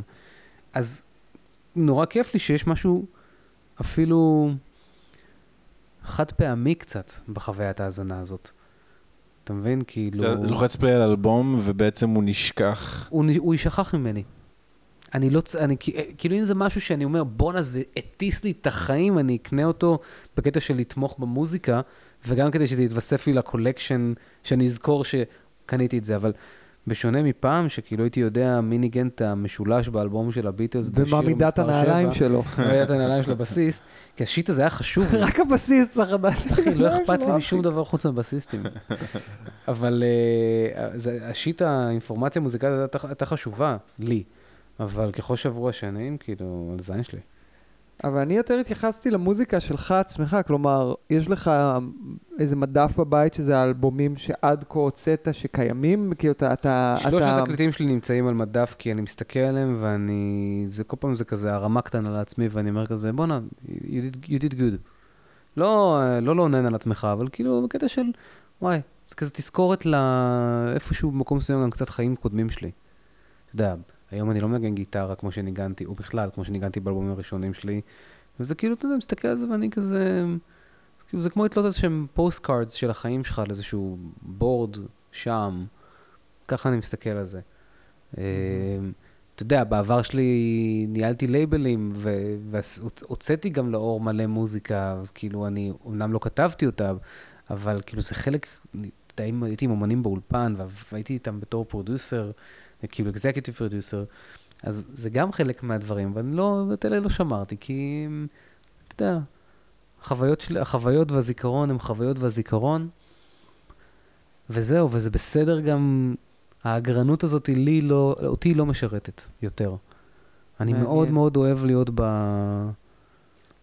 ברנדומליות של הרגע היום. אתה מבין? אני מבין שכל הדברים שמחזיקים אותי, הם קושרים אותי, ולא בא לי שיקשרו אותי. אז אני כאילו, הדבר היחידי שחשוב להחזיק, זה את בת הזוג שלי, את מירב, ואת המשפחה העתידית שתגיע מתוך, מתוך זה. מהמם. כאילו, והחברים כמובן, אבל כאילו לא, לא להיתפס, לא להחזיק. לא, לא, זה, זה דברים. מצב טוב שאתה נמצא בו. אני, זה בא, אני אגיד לך, אני פשוט, אני ארכיביסט במהותי, אני כזה מאוד מנסה לשמר, ו, ולזכ- ויש לי, גם מעבר לזה שאני שומר הרבה דברים, יש לי פשוט תיקי, תיקייה, שקוראים לה ארכיון, ו, ויש שם, אתה יודע, תמונות מהופעות, וידאוים, הקלטות. מה תעשה עם כל המידע הזה? אני, אתה יודע, המטרה זה שיום אחד זה כביכול יעניין מישהו, אבל בלי קשר, מה שאני רוצה לומר זה שלי, אני לפני חמש שנים קרה לי מקרה, ואני עזבתי את המוזיקה. להרבה זמן, לאיזה שלוש וחצי שנים, אם לא, אם לא ארבע. ובתקופה הזאת אני לחלוטין התנתקתי מזה, אני לא, לא נגעתי בגיטרה, זה לא עניין אותי, הייתי מופיע פעם בשנה, כי בן ריפטין פתח מקום חדש. אה, הריטואל. כן, ו... והיה איזה יום שהתחלתי לחשוב על לנגן ורציתי למצוא איזה הקלטה של הופעה, הייתי סקרן לגבי איזה משהו והייתי, לא ידעתי איפה זה בדיוק, הייתי צריך להסתכל בארכיון, לא להיכנס נקודתית למקום כלשהו. ומצאתי את עצמי כזה, אומר בואנה, עשיתי את ההופעה הזו, בואנה עשיתי את ההופעה, וזה פתאום אמרתי, רגע, היה לי, היה לי, היה משהו. זה, זה, זה הזכיר לי משהו זה- שאני איבדתי. זה הרים לך.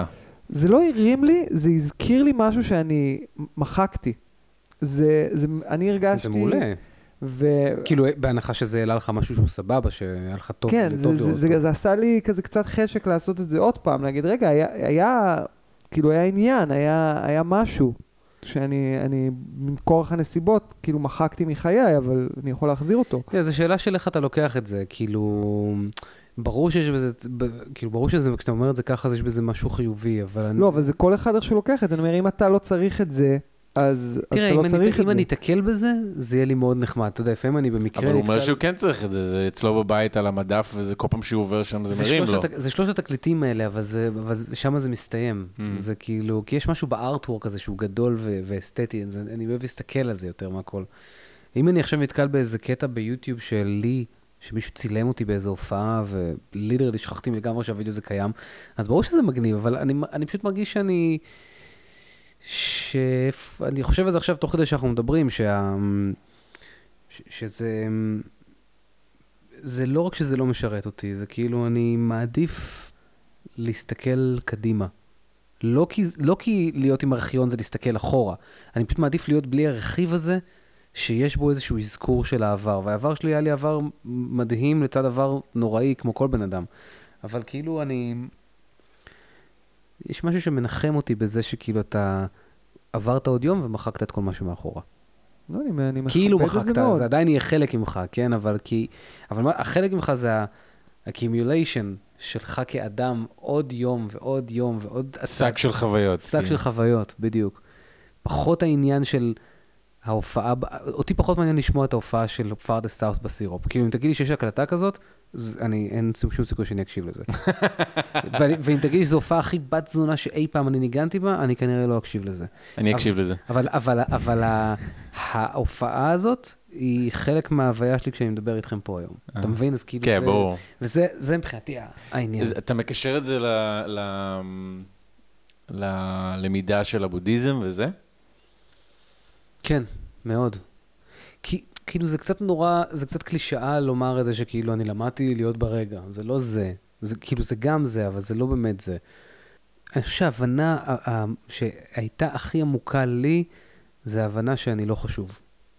שאני אה. חשוב מאוד, אבל אני לא חשוב. זה, זה כן, זה הבנה מאוד, זה משהו שאני חי איתו כל הזמן, אני אומר את זה לא ב... אבל זה לא, ב- אבל זה לא לא חשוב ברע, כן? לא, ב- ב- להפך, זה, זה, זה משהו מש- מאוד משחרר, זה- להבין שאתה לא, לא, משנה לאף אחד חוץ בדיוק. מעצמך, בקטע, בקטע טוב, כאילו ו- אבל תחיה את החיים יכול- שלך. אבל אם אני, אבל, אבל זה גם מהווה לי תמרור, כי אם לפעמים אני קולט שאני מתעצבן, נגיד לקוחות, לא יודע מה קורה, איזה משהו, ואם אני קולט שאני כבר תקופה מסוימת עצבני, אז אני קולט שאני התרחקתי. כאילו זה תמרור אזהרה שפתאום אני קולט, אה, ממתי אתה כזה חשוב? כאילו זה כזה, אה. ואז אני אומר, אוקיי, יש פה תמרור אזהרה שאני... לא, ה, לא, לא הכעס והתקופה העצבנית מרימה את התמרור אזהרה, כמו שאני פתאום מסתכל ואני כזה, בואנה דודי, מתי אתה כזה חשוב? שחרר, כאילו, לוסן אפ, כאילו, אתה... כאילו, זו אני- קלישאה לומר את זה קצת, אתה מבין, כשאני אומר את זה ככה, אבל אני מקווה שמי שמקשיב לזה מבין שמדובר ב... במשהו שהוא... לא, לא משנה. אני זוכר שבתחילת שנות ה-20 שלי נפרדתי מחברה שלי. אני אפילו לא זוכר מי זו הייתה, אבל אה, אני זוכר שיצאתי מהדירה שלה, וישבתי על המדרכה, והסתכלתי, ל... זה היה בלילה, הסתכלתי על השמיים, והסתכלתי על הגלקסיה כביכול, כל הכוכבים וזה, והרגשתי עצב עמוק, Mm. כאילו, והתחלתי קצת לבכות, ובאותו זמן, שהרגש הזה גרם לי להרגיש כמו מרכז היקום, כאילו, אני חווה עכשיו כאב, זה קורה לי. וזה קורה לי, וכמה זה נורא. הסתכלתי על הכוכבים והרגשתי את, ה... את החוסר משמעות של הכל, Mm. בו זמנית, וכמה אני בעצם פשוט גרגר שחסר חשיבות. וזה פשוט ה- הקלאש הזה בין, בין שני העולמות האלה, פשוט הבנתי שהדבר הזה מתקיים בו זמנית, וזה פשוט הרגיש מאוד משחרר באותו רגע. זה כמובן לא ביטל את הכאב, כן, ברור. אבל זה קצת עזר להתמודד באותו רגע. הפרופורציות השתפרו באותה שנייה. אבל אתה יודע, זה כאילו, זה גם, זה כשאתה חושב על זה, זה, ה, זה, זה רק ממצב יותר את החשיבות של תעשה רק דברים טובים, וזהו. לא מדבר על עצמך, כי זה כאילו, כאילו טריוויאלי, למרות שזה בכלל לא טריוויאלי. זה לא לעשות- טריוויאלי. לעשות דברים, אבל זה כאילו לעוס, אבל כאילו, אם יש לך, אם יש לך תפקיד, זה בסך הכל להעביר את הלפיד הלאה ב- ב- ב- בתחום שבו אתה עוסק. אז יכול להיות שאתה אומר, בתור מוזיקאי, אני מעביר את הלפיד הלאה של שמחה כן. ו excitement לאנשים, כן. כן? או whatever שזה לא ש- שיהיה. כן, אני, אני באופן אישי מאוד מתרגש מזה, כאילו, אני, אני מבין את החשיבות של חוסר החשיבות שלי. כאילו, את הפריבילגיה הגדולה לעשות את ה craft שלנו, בין אם זה מוזיקה, בין אם זה הקמפיינים שאני עושה, או whatever, אבל לעשות את זה ממקום, ממקום שלם ואמיתי שרוצה לקחת צעד אחד קדימה את, ה, את העולם, בק- בקטנה שלך. כן. כאילו בתור, זה- בתור נמלה שסוחבת גרגיר, את המייל שהיא סוחבת עד שהיא מעבירה את הגרגיר הזה למישהו. הזכרת אה, העברת לפיד, וכאילו מעניין אותי לשמוע מה אתה חושב בהקשר לזה שאתה עוד מעט הולך להיות אבא. כן. כאילו זה גם אה, קשה להרגיש חוסר חשיבות כשאתה יוצר עכשיו עוד בן אדם, פתאום זה נהיה מאוד מאוד חשוב. כל, זה אתה. מה שרציתי לומר מקודם, אני, אני דוד ב- בהגדרה שלי, לפני שאני כל דבר אחר. אתה יודע שככה הם היו קוראים לי בלהקה, בפארד הסאות'. הדוד, הדוד, הדוד. הדוד. אה, האחייניות שלי קוראות לי דוד אספי, וזה העברת הלפיד שלי, אני הבנתי שכשהאחיינית שלי הבכורה נולדה, אני הבנתי שהפונקציה שלי עכשיו על כדור הארץ, זה לעזור לה לגדול להיות בן אדם בריא ושלם ו- ו- ומודע ואכפתי וטוב. ואני אעלם, והיא, וזה כאילו על מוות, בלי, בלי שהיא כאילו תדבר עליי כל הזמן, יכול, הילדים שלה לא ידעו מי אני הייתי, אבל הם יוצבו על ידיה, שאני יוצ- יוצבה בין היתר על ידי, ו, ולהבין שאני אני כלום בהקשר הזה, אני פתאום חשבתי על סבים שלי ועל זה שאני אני לא יודע איך קוראים להם אפילו, הם סבים רבים, מהמם. ו... אבל שהם עדיין פה בתוכי, ו... אז כש... להפך, ברגע שהיא נולדה, אני הבנתי שזה היה הרגע שהבנתי שאני לא חשוב בכלל. כן, אתה יודע, אבל, כש... אבל אני... יש בזה סכנה קלה. כי מרוב חוסר החשיבות שלך, או שלי, אה, כשאתה מעביר את הלפיד לדור הבא, אתה צריך להיזהר מאוד מאוד מאוד לא לעשות, לא להטמיע את הערכים מתוך תחושת החשיבות העצמית שלך והנכונות של הערכים. אתה מבין מה אני מתכוון? כאילו, נגיד, סתם, אמרתי למירב שכאילו, לילדה שלנו שתבוא, אני הולך לדבר איתה רק באנגלית בבית, אוקיי? ומירב תדבר איתה מן הסתם רק בעברית, והילדה תגדל בבית שהוא דו- דו-לשוני. כי אתה אומר, נורא יהיה חשוב לי שהיא תלמד אה, שתי שפות כזה, כן, לך זה חשוב. לא, אני ספצ... ואולי ספציפית זה לי. זה לא חשוב, אבל מה שאני רציתי לומר בהקשר המאוד ספציפי הזה של, ה... של השפות, זה שהבת שלך, זה, זה יהיה המציאות שהיא תחווה, ולא יהיה לה דעה לזה לפה לפה. כלומר, זה, זה יהיה המצב. כן, נכון, במקרה של שפה אתה צודק, ובמקרה של אה, אם היה לי בן והייתי אומר לו, אני לא רוצה שתתגייס לצבא. אז זה, זה שוב, כל הדברים האלה, זה מגיע, זה באמת הערך שלך. אני למשל, אני חושב שהדבר היחידי שאתה יכול לעשות זה לדבר, שהם מגיעים לגיל שאפשר לדבר איתם. ואם אני חושב שלהתגייס לצבא זה יצלק לו את החיים והוא לא יכול להבין על מה אני מדבר בכלל, זה, הוא לא, אבל זה יהיה בחירה שלו. אז, אז פה בדיוק העניין, שהעבר, על זה דיברתי, שהעברת הלפיד הזאת, צריך להיזהר ממנה שלא להתאהב בערכים שלך עצמך. אה, לא, אני, אני, מה שאני מנסה אמרתי את זה להנחיל... כאילו כהערת, כהערת אגב, לא כ... כן, אבל אני אומר, מה שאני מנסה להנחיל לאחיינית שלי זה לא ספציפית את הערכים שלי, וזה גם לא באופן דידקטי, זה להפגין כלפיה חמלה ואהבה והבנה, מדהים. וגם סביב הסביבה, ושהיא תראה את זה. מדהים. לא בקטע שאת צריכה להיות ככה, אלא leadership by energy ולא by, אה, לא by אה, תפקיד. בדיוק. ובתוך זה, מה שהיא תבוא, תבוא ותגיד לי, אני רוצה לנסוע, היא אזרחית אמריקאית, אני רוצה לנסוע לארצות הברית להצביע לבן של טראמפ, אני אגיד לה, אני לא מבין את זה, אבל זה ש- עניין שלך. זה, זה טריקי, זה, כשזה, כשיש clash עם הערכים שלך, זה, שם אתה נבחן. תראה, אני לא הלכתי לצבא למשל, ואבא שלי זה היה לו מאוד קשה, אבל, כי, כי אין דבר כזה בעולם שהוא בא ממנו. כן. אבל הוא אחרי איקס זמן, שלא היה זמן רב, הוא בא ואמר לי, זה היה מהלך נכון, זה לא היה מתאים לך, אתה לא, זה כנראה היה קורה לך שם משהו. כן. אמ, אתה יודע, זה דינמיקות בין בני אדם, בסופו של דבר הילד מגיע לאיזשהו גיל והוא, והוא בן אדם, וזה מאוד, זה slippery slope, לא להסתכל על ילד כן. כאילו הוא רכוש שלך. בדיוק. כן. זה לא, מה שהוא התכוון. זה מה. שהוא התכוון. אמ, אז כן, אז אני במודעות, אני במודעות לזה. איך אתה מרגיש לקראת ה... לקראת הלידה? כן. אמ, אני, מכיוון שאנחנו כאילו נמצאים פסע מה, מהעניין, אז, אז כבר אני, אני כבר, בחודש האחרון אני כבר אבא, אני כבר מתרגל את ה... כאילו יש לי כזה דמ- דמיונות שאני נכנס הביתה ואני רואה את ההפנינג ואני... זה בדיוק מה שיקרה, אגב, זה לא רק דמיונות. כן, מדהים. לא, אבל אני אומר, אני כבר, אני כבר חי את ה... כאילו מנכיח את המציאות הזאת במקום מסוים, ואני... אני מנסה בעיקר לעבוד על עצמי כמה שיותר עכשיו, על, אמ, אתה יודע, לשחרר את עצמי בכל מיני סיטואציות שאולי אני אדרש, אדרש אליהן, אתה יודע, אני, אני בן אדם מאוד מאוד עסוק, אז כאילו, מחשבה כל הזמן שתהיה לי פה איזו ילדה שתדרוש את התשומת לב שלי, זו מחשבה שהיא כאילו עלתה לי בדמים. היא תדרוש והיא תקבל. בדיוק. ואז אתה אומר, אוקיי, אם היא תקבל, אז, אז אני אתה צריך... אתה גם עובד מהבית, נכון? אבוד לך. אני יודע. אז צריך, אז צריך ללמוד, כאילו, איך אתה מחליט שמשהו הוא לא חשוב כרגע, כי יש משהו אחר יותר חשוב. עכשיו, המשהו, הלא, המשהו היותר חשוב לא קיים עדיין, הוא עוד לא נולד. אבל אז אני משחק פה לפעמים איזשהו משחק מוחי כזה עם עצמי, שאני אומר, אני עכשיו אקום, כי אם הייתה פה ילדה, הייתי קם. אז כן. עכשיו אני אקום ואני אלך לאכול צהריים, כי אחרת לא הייתי אוכל את ארוחת צהריים, אז מרוב שאני כאילו תקוע בתוך המחשב זה שלי. משחק מנטלי מאוד יפה. כן, אז אני... אני אוהב את זה. כאילו מירב באה אומרת לי, תגיד, אתה יכול להעלות את הדבר הזה פה למעלה ל- ליד גג? ואני כזה, לא, אני לא יכול. אני הולך להיות כזה." אבא, אני ארים את זה, כן. תקשיב, אתה צוחק, אבל אני כאילו, הדבר המיידי שלי שאני אגיד לה זה, לא, אין לי זמן לזה כרגע, כי באמת, אני עם הפרעת קשב, אז כאילו, אני לא יכול שיפריעו לי בריכוז, כי אז קשה לי נורא לחזור להתרכז.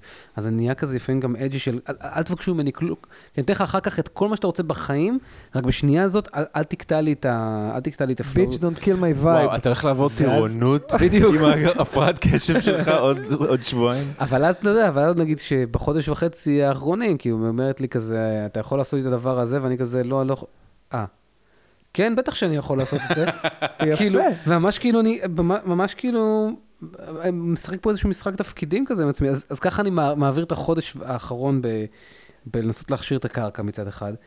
אמ, מצד שני, יש מלא אי ודאות, אז אתה גם מכין את עצמך ללא לכם, נודע. אה, כאילו. יש אי ודאות טוטאלי, ואני באמת מכין את עצמי ל... יש לכם תוכנית לידה? יש דולה? יש אה, לידת מים? מה מה אתם הולכים לעשות? לא, אנחנו עושים אה, ניתוח קיסרי צרפתי, זה איזושהי שיטה חדשנית. מה זה צרפתי? מה הופך את זה לצרפתי? זה יותר יוקרתי אם זה צרפתי. יש חמאה, פשוט מביאים חמאה. יש חמאה, אמא אוכלת חמאה בזמן, במקום אפידורל. לא, נוגסים בחמאה וזה מעביר את הכאב. זה איזשהו, עזוב, תחקור על זה, אבל זה איזושהי שיטה כזאת מהפכנית וחדשנית מאוד, שעושה את הלידה מאוד מאוד מאוד קלה. אה, עם אני דרך אגב לא אנטי רפואה וזה, וכאילו, הכל בסדר, כל אחד שיבחר מה שמתאים לו, זה לא... אתה לא אנטי, באיזה הקשר אמרת שאתה לא לא, אנטי? שלא שאמרתי... כאילו, מה זה אומר שאתה לא לא, אנטי שלא רפואה? אמרתי, שלא אמרתי, דו- אני אגיד לך מה. אני אני לא- אוהב אנטיביוטיקה. אני יש לי קטע שחמצן. זה מעריך, אני מעריך את החמצן הזה. לא, אני לא נגדו. הרפרנס היה לזה שכאילו אמרתי דולה ולידת מים, ושלא תחשוב שאני איזה היפי שזה הדרך, יש את האנשים האלה שכאילו הם חושבים שצריך לעשות משהו בצורה מסוימת, ואם אתה לא עושה אותה ככה אז אתה לא בסדר. אה, בכלל לא חשבתי על זה. אז רציתי ש... ואגב, דולה זה דבר סופר קונבנציונלי, זה לא קשור ל... כן. כן, אבל לידת מים. לידת מים זה קצת, זה קצת אחרת, כן. אה, היינו עושים את זה, אבל יש עם זה כל מיני, אה, יש בזה כל מיני בעייתיות מסוימות. אנחנו הלכנו, הלכנו על הפתרון הכי טוב שיכולנו. לא, מעולה, מה- כאילו. מה שעובד לכם, אז whatever works. יש לנו תאריך, אבל אה, אתה יודע, לך תדע מה הגוף יעשה, אם הוא יקדים. מה התאריך? 20 בנובמבר. תאריך חזק, מה זה אוטוטוט? כן, נו. אחי, אני כאילו עזבתי את אשתי ההרה בחודש תשיעי בשביל לבוא לדבר איתכם פה. תודה.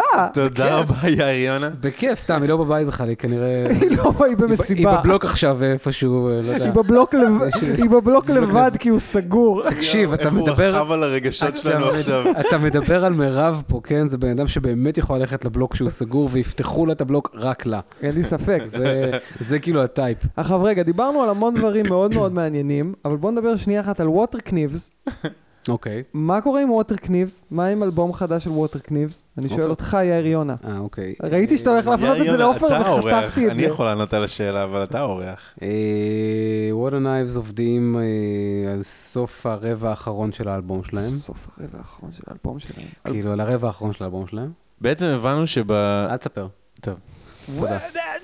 לא, אני לא רוצה שתספר. לא, אל תספר. נו, עזוב. אלבום אה, יפה מאוד, יש בו צלילים ותדרים. יש פה תדרים, יש בו הרצל. תקשיב, אני אגיד לך משהו. אה, לי, אה, לא יודע איך אתה עופר בהקשר הזה, אבל לי אין שום בעיה להגיד על מוזיקה שעשיתי שהיא בת זונה של מוזיקה זה אלבום ויפהפייה. מדהים. זה אלבום מדהים בקטע של אני מתרגש עד עמקי נשמתי כשאני מקשיב למוזיקה הזאת. ואז דבר ראשון, אני מאוד שמ- אני שמח שאתה מרגיש את החופש לומר את זה, ו- ועופר גם מרגיש את החופש לומר את זה, אני גם מרגיש לרגע שאני מראיין את שניכם, שזה נחמד. אמ, תשמע, אז זה מה אלבום, הצפי? זה אלבום שהוא... אה, נראה לי שעכשיו אנחנו צריכים, אני צריך לעבור את האתגר הראשון. לא, ברור, אתה עובר. טירונות, אבל ברור- כאילו אני אומר, בראש שלך זה אה, סוף ס- 21? אה, לא, לא, לא, אנחנו נתחיל להוציא דברים, נראה לי, בשנייה שאני כזה אעמוד על הרגליים. אני אה, אשתף שאני הייתי ממש בלחץ, פתאום כי אני קולט שב-20 לנובמבר יש ליאיר ילדה חדשה, ו... ואנחנו לא קרובים בכלל לסיים את האלבום, ואז פתאום התיישבנו וראינו שהוא ברובו מוכן, ונשאר בעצם רבע לסיים. ה- הרבע של הסוף של האלבום. כן, כן. וזה ריגש אותי, ו... ו... ואני ממש כזה אופטימי, כאילו, שלמרות כן. הילדה, זה, זה לא... תגיד למרות זה, הילדה. זה לא הניסוח הנכון, אבל אני אומר בזכות כאילו... הילדה בזכות- לגמרי. כי זה זה ימכר לא, אני. אני חוזר, זה לא הניסוח הנכון, התכוונתי. אוקיי, fuck. עופר, יצאת פרש. ממש. אבל אנחנו אתה לא עורכים את זה, זה לא יהיה בפודקאסט. לא תאמר ש- מחדש. אתה לא רוצה שתהיה לי ילדה כאילו? אוקיי, זה נכנס לפודקאסט. הוא תמיד עושה לי את זה. אחי, כאילו, אני לא מבין. מה, כאילו, אתה לא רוצה שאני אהיה מאושר? עד שחבר שלך קורה לו משהו משמעותי בחיים, זה כאילו... תמיד קורה, אני נכנס לספירלות של האשמה, ואז הוא רוכב על זה. יונה, זה לא מכבד וזה לא מקצועי. אבל זה מצחיק. אה, קיצור, מה שאני אומר, אה, זה אלבום נורא נורא יפה, מאוד מאוד יפה, שיש בו גם אה, רגעי דיסקו מגניבים, גם רגעי, אה, כאילו dark אייטיזים כזה, ויש בזה טכנו ויש בזה האוס, ויש בזה מוזרויות של צלילות אלקטרוניות נורא שונות כאלה, Rival Consoles עם Four Tetים ודברים כאלה. והוא כאילו בעצם מביא לדעתי את ה best של ההוויה שלנו, שזה הכי כיף בעולם. אני אני- מרגיש שהוא אלבום הרבה יותר בוגר, וגם דיברנו על זה, משמעותית. שאין מה. להשוות אותו לאלבום הראשון. לגמרי. אה, יאיר יונה, אתה תבוא לפרק הבא מחר, זה אתה ועופר נפגשים לבד, בלעדיי ובלי מיקרופונים, לפרק הפולו-אפ, כן. אמ, אבל היה ממש כיף. היה ממש כיף. חברים, אני מאחל. לכם אה, בהצלחה עם פודקאסט, לא שיש משהו להצליח איתו כל כך, אתם רק צריכים לעשות אותו וזה כבר בסדר גמור. כן, אין לנו, שאיפות גדולות לפודקאסט, זה בעיקר לכיף. אבל אתה יודע, זה נתן לי השראה, כאילו, העניין הזה, כאילו, כי אז קלטתי שלא כתבתי את הסיפור, את אחד מסיפורי התחנת דלק שלנו כבר הרבה זמן. זה הדבר שרציתי לשאול ושכחתי לשאול. לא. אני חייב לשאול, מאיפה הוא התחיל? אני אעשה את זה עוד פעם כדי שנוכל לערוך את זה איפשהו נקי. מאיפה התחיל הקטע הזה שאתה ועופר מצטלמים בתחנות דלק לפני כל הופעה? מה הבסיס של זה? מה הייתה הפעם הראשונה? לא, מה עומד? מאחורי זה אבל רעיונית? רעיונית, כמו... איך אני אסביר לך את זה? מעניין אותי איך אתה הולך לגשת לזה. הראש, אני אומר לך את החוויה האישית שלי, אני לא זוכר מאיפה זה נולד, כאילו, אבל אני אומר לך את החוויה האישית שלי, יכול להיות שלעופר יש סיפור אחר. כל דבר בלהקה הזאת מבחינתי נועד להצחיק אותנו. עכשיו, כאילו, אם זה לא מצחיק, זה תעזוב את זה. אז הראש שלי לפחות, באמת, בזכות ההפרעת קשב, הוא באמת נזרק כמו פינבול כזה המון פעמים. אז אני חושב שעברנו ליד, אה, אני לא זוכר בדרך לאיזו הופעה, עברנו ליד תחנת דלק, ואז אמרתי לעופר, אני חושב, אם אני זוכר נכון, בוא נצטלם ליד המחירים, ונעלה את זה כאילו לפ- לפייסבוק, בקטע של כאילו אנחנו בדרך לכך פשוט בוא וכך. נעשה פוסט, כאילו, ועצר- יאללה, נו. בדיוק, וניקח את הדבר, כאילו, אנחנו בדרך לאנשהו, אז עצרנו למלא דלק, או משהו כזה. ואז כאילו, אתה יודע, אני בן אדם שאוהב סדרות. אז כאילו, אז בדרך להופעה הבאה, אמרנו, אוקיי, בוא נעשה את זה שוב. לא, זה יצר באמת, קודם כל זה תיעוד של יצר- מחירי הדלק ב- לאורך הדורות. א', נכון. אבל זה יצר באמת כאילו איזה משהו שאיכשהו אנשים מחכים לו כבר. כאילו, אתה יודע, שאנחנו בדרך לא, מי שיודע שאנחנו בדרך להופעה מצפה לראות את זה. ברור, אם אני יודע שיש לכם הופעה ואין פוסט בתחנת דלק, אני, אני קודם. כל מניח שמטתם בדרך. אפילו אתה הצטרפת לתמונה אחת. זהו, אני, בתחנת אני, דלק. היה לי את הזכות והכבוד לי- להשתתף בסדרה, ואני מאוד כן. גאה בזה. אבל אתה יודע, אני חושב שאותי מה, ש- מה שהכי כיף לי זה, זה, ה- זה הסיפור הנלווה שקורה. הסיפורים הנלווים זה הדבר שהכי מצחיק שאנחנו אותי. תכננו להיפגש שם, לא, הסיפור שנלווים לתמונה, הסיפור שנלווה לתמונה. אה, הסיפורים שאתה תמיד יש את כותב הסיפור. עליך, עליך אנחנו מגיעים לתחנת דלק, מה הקופאית עושה, וכאילו ברגע מסוים כולם מפלבלים בעיניהם, ואז בשלב מסוים מגיע הקונדור מלמעלה, ומכס... אבל אתה יודע, זה כאילו, זה באמת, אתם עושים את הפודקאסט, זה מה שצריך להגיד לכם, אתם עושים את הפודקאסט הזה, מבחינתי, ה- האוטפוט הלא מוזיקלי של Water Knives בצד שלי, כן. הוא לכתוב את הסיפורים חסרי הפואנטה האלה שהם פשוט הצריף של כל מה שעולה לי בראש, ואני מחבר את זה פשוט עם מילים, עם מילות חיבור כאלה, כדי שזה יהיה תקין grammarly כזה. מהמם. יאיר יונה, תודה רבה. תודה רבה לכם, חברים. אני אוהב אותך תודה מאוד. רבה. אוהב אה, את שניכם גם כן. אוהבים אותך, ויאללה, לילה טוב. היה טוב.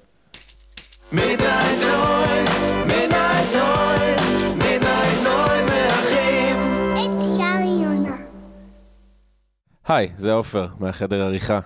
חשבנו כבונוס להוסיף אה, שיר שכתבנו ליאיר אה, ליום הולדת 40 שלו. כן! אז בקיצור, הכנו לו שיר ליום הולדת. הנה הוא.